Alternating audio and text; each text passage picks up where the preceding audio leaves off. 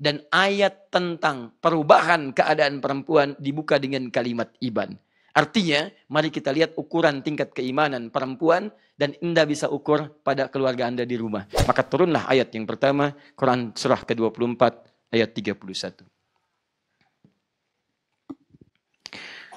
قل للمؤمنات يغضضن من أبصارهن ويحفظن فروجهن ولا يبدين زينتهن إلا ما ظهر منها وليضربن بخمرهن ah, ini poinnya dan katakan Muhammad sallallahu alaihi wasallam pada perempuan-perempuan yang beriman saja ah, ibu tolong fokus di sini ya dan akhwat muslimah dimanapun anda berada kalau ada ayat Quran berisi perintah ditujukan dengan kalimat iman, artinya bukan cuma perintah nilainya, tapi iman kita dipertaruhkan di situ.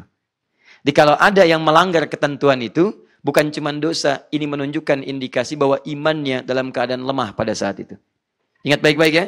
Ini patokannya. Kalau ada ayat Quran dibuka dengan kalimat iman, maka informasi di ayat itu sekaligus menunjukkan indikator tingkat keimanan kita.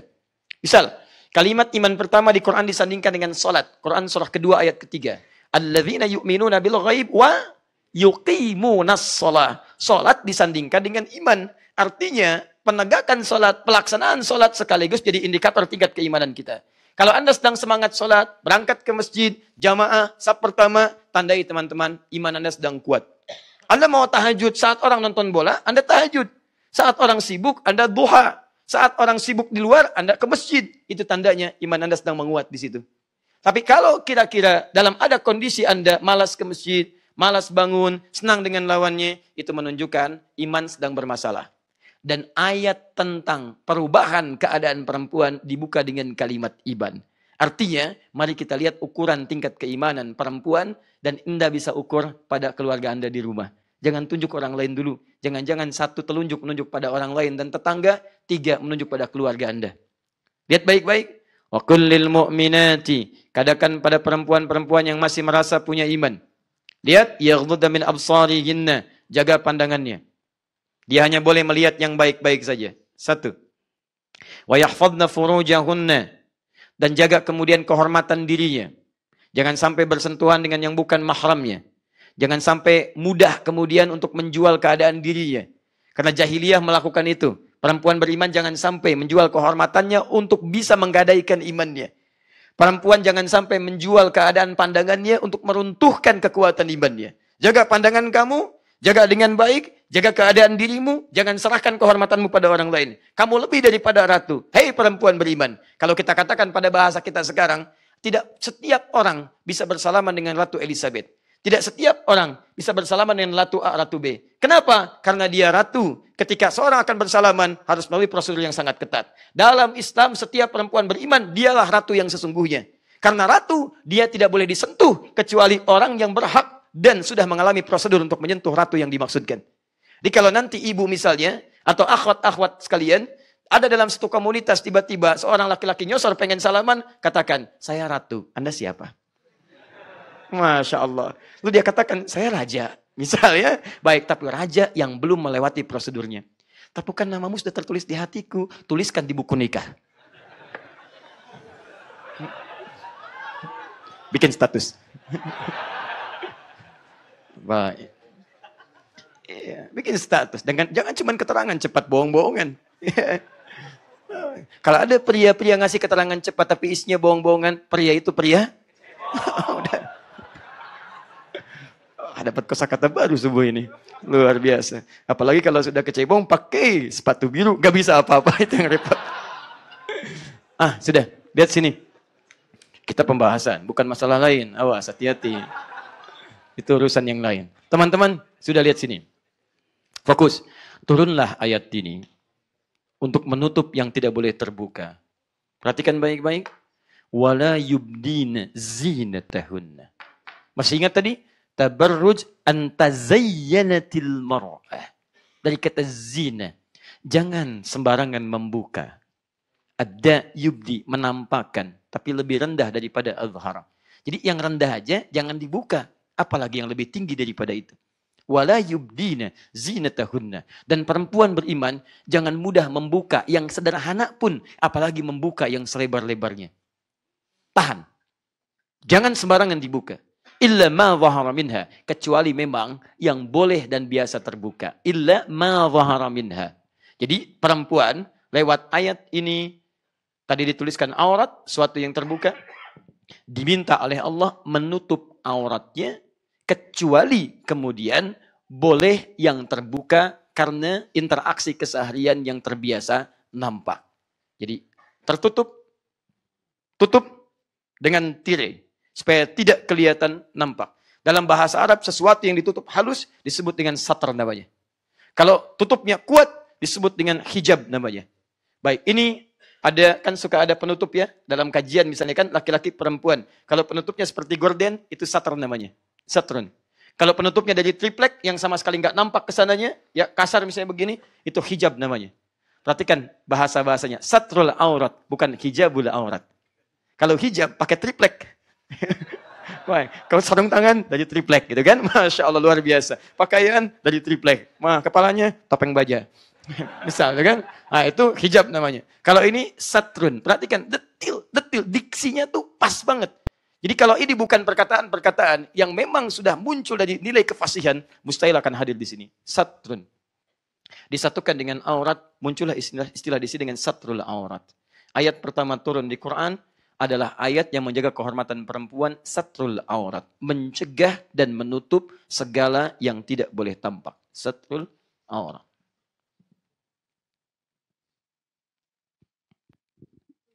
Fokus.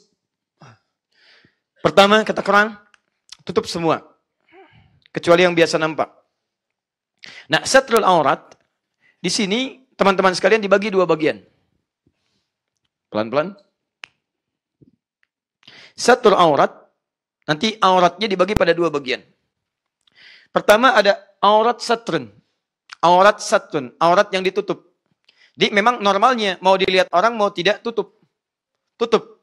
Karena ada hal yang tidak nampak, yang yang biasa ditampakkan jadi nggak enak. Harusnya memang nggak boleh tampak. Misal dari batas pusar sampai dengan ke bawah. Ada orang, nggak ada orang, tutup. Karena walaupun nggak ada orang, Anda nggak akan enak tampil tanpa busana. Ya, bedakan bedanya antara hewan dengan manusia. Hewan itu nyaman tampil tanpa busana. Manusia nyaman tampil dengan busana. Makanya kalau Anda misalnya punya atau iseng-iseng ke kebun binatang atau Anda punya peliharaan misalnya, Anda punya monyet peliharaan, anda pakaikan misalnya pakaian, dia nggak akan gerah dengan itu. Karena dia tidak akan merasa nyaman karena kebiasaannya tanpa pakaian. Silakan cek lagi, misalnya Anda punya ayam peliharaan. Pakaikan kemudian pakaian khusus ayam. Dia akan gelisah karena merasa tidak nyaman. Mau berkokok, kehalang. Mau gerak, kehalang. Karena biasanya tidak berbusana. Begitu binatang dikasih busana, jangankan andanya, hewannya pun gak akan nyaman. Jelas ya? Baik, sebaliknya manusia bedanya akan gak enak tampil tanpa busana. Akan gelisah dia, gak nyaman. Silahkan cek kalau tidak percaya. Anda dalam keadaan tanpa busana, itu nggak akan nyaman. Minimal ada tubuh yang harus ditutup. Makanya kalau ada misalnya perempuan atau laki-laki, terlebih laki-laki misalnya, senang tampil tanpa busana, maka ada masalah dalam kejiwaannya. Ada masalah, ada masalah, ada masalah. Karena tertukar antara sifat hewani dengan sifat kemanusiaannya. Paham sampai sini?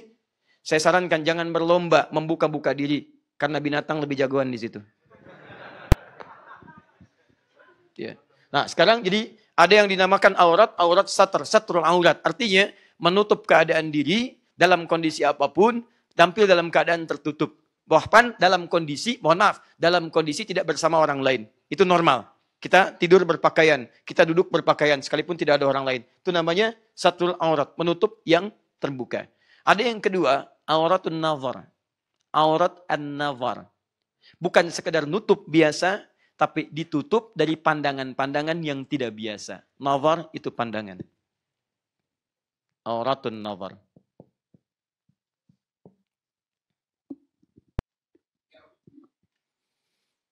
Sudah? Nah, fase pertama, wala yubdina zinatahunna illa ma dhahara minha. Jangan tampakkan, jangan tampilkan kecuali yang biasa nampak. Biasa nampak itu ada kalinya sendirian, ada kalanya kemudian di hadapan orang banyak. Kalau sendirian, tutup. Jangan berlebihan, jangan dibuka semua. Kalau di hadapan orang yang banyak, silahkan. Anda tutup dengan baik, dan ada yang nampak yang biasa dilihat. Tapi hati-hati kata Quran, ada yang kedua isyaratnya. Auratun nazar, yang terbiasa orang menelisik untuk melihat itu lebih dalam. Maka dalam konteks inilah kemudian Quran menurunkan kalimat selanjutnya untuk membatasi yang biasa diamati oleh orang lain. Wajah, bagian kepala, kadang-kadang ingin lihat ini siapa dia, ini siapa, ini itu dan seterusnya. Maka turunlah kemudian waral yadribna bihumurihinna. Hei perempuan, itu rambut kamu sering diamati. Bagian kepala kamu sering dilihat. Bagian leher kamu sering nampak kelihatan sehingga jadi tertarik sebagian orang. Mulai hari ini Tolong tutup itu dengan kerudung. Wal yadribna bi khumurihinna. Turun ayat kerudung. Tutup. Kerudung. Ya. Lihat fasenya. Lihat fase awalnya. Tidak langsung kemudian pakaian menutup keseluruhan terlebih dahulu. Kerudung. Tapi tidak sampai dengan kerudung saja. Karena ada kalimat juyubihinna. Sampai ke batas bagian tubuh. Tubuh bawah artinya menutup leher. Jadi yang diminta oleh ayat ini bukan sekedar kerudung bungkus. Bukan. Anda tahu kan, kalau misalnya ada barang dibungkus, bungkus. Jadi gitu kan. Tidak, ini bukan cuma bungkus. Bedakan bungkus dengan tutup. Kata Quran, tutup dengan kerudung sampai melewati lehernya. Minimal pada batas tubuh. Jadi awal-awal pakai kerudung, leher jangan kelihatan.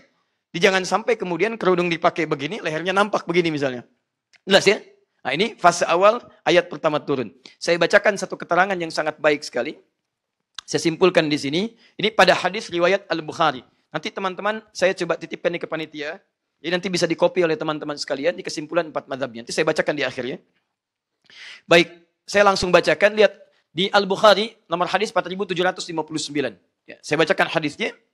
Lama nazalat hadhil ayat wal yadribna bi khumurihinna ala juyubihinna. Ketika turun ayat ini, tentang kerudung tadi, akhadna uzrahunna fashaqqahunna min qabal hawashi fakhtamarna biha. Maka ketika ayat itu turun, semua perempuan-perempuan beriman ingin membuktikan keimanannya di hadapan Allah.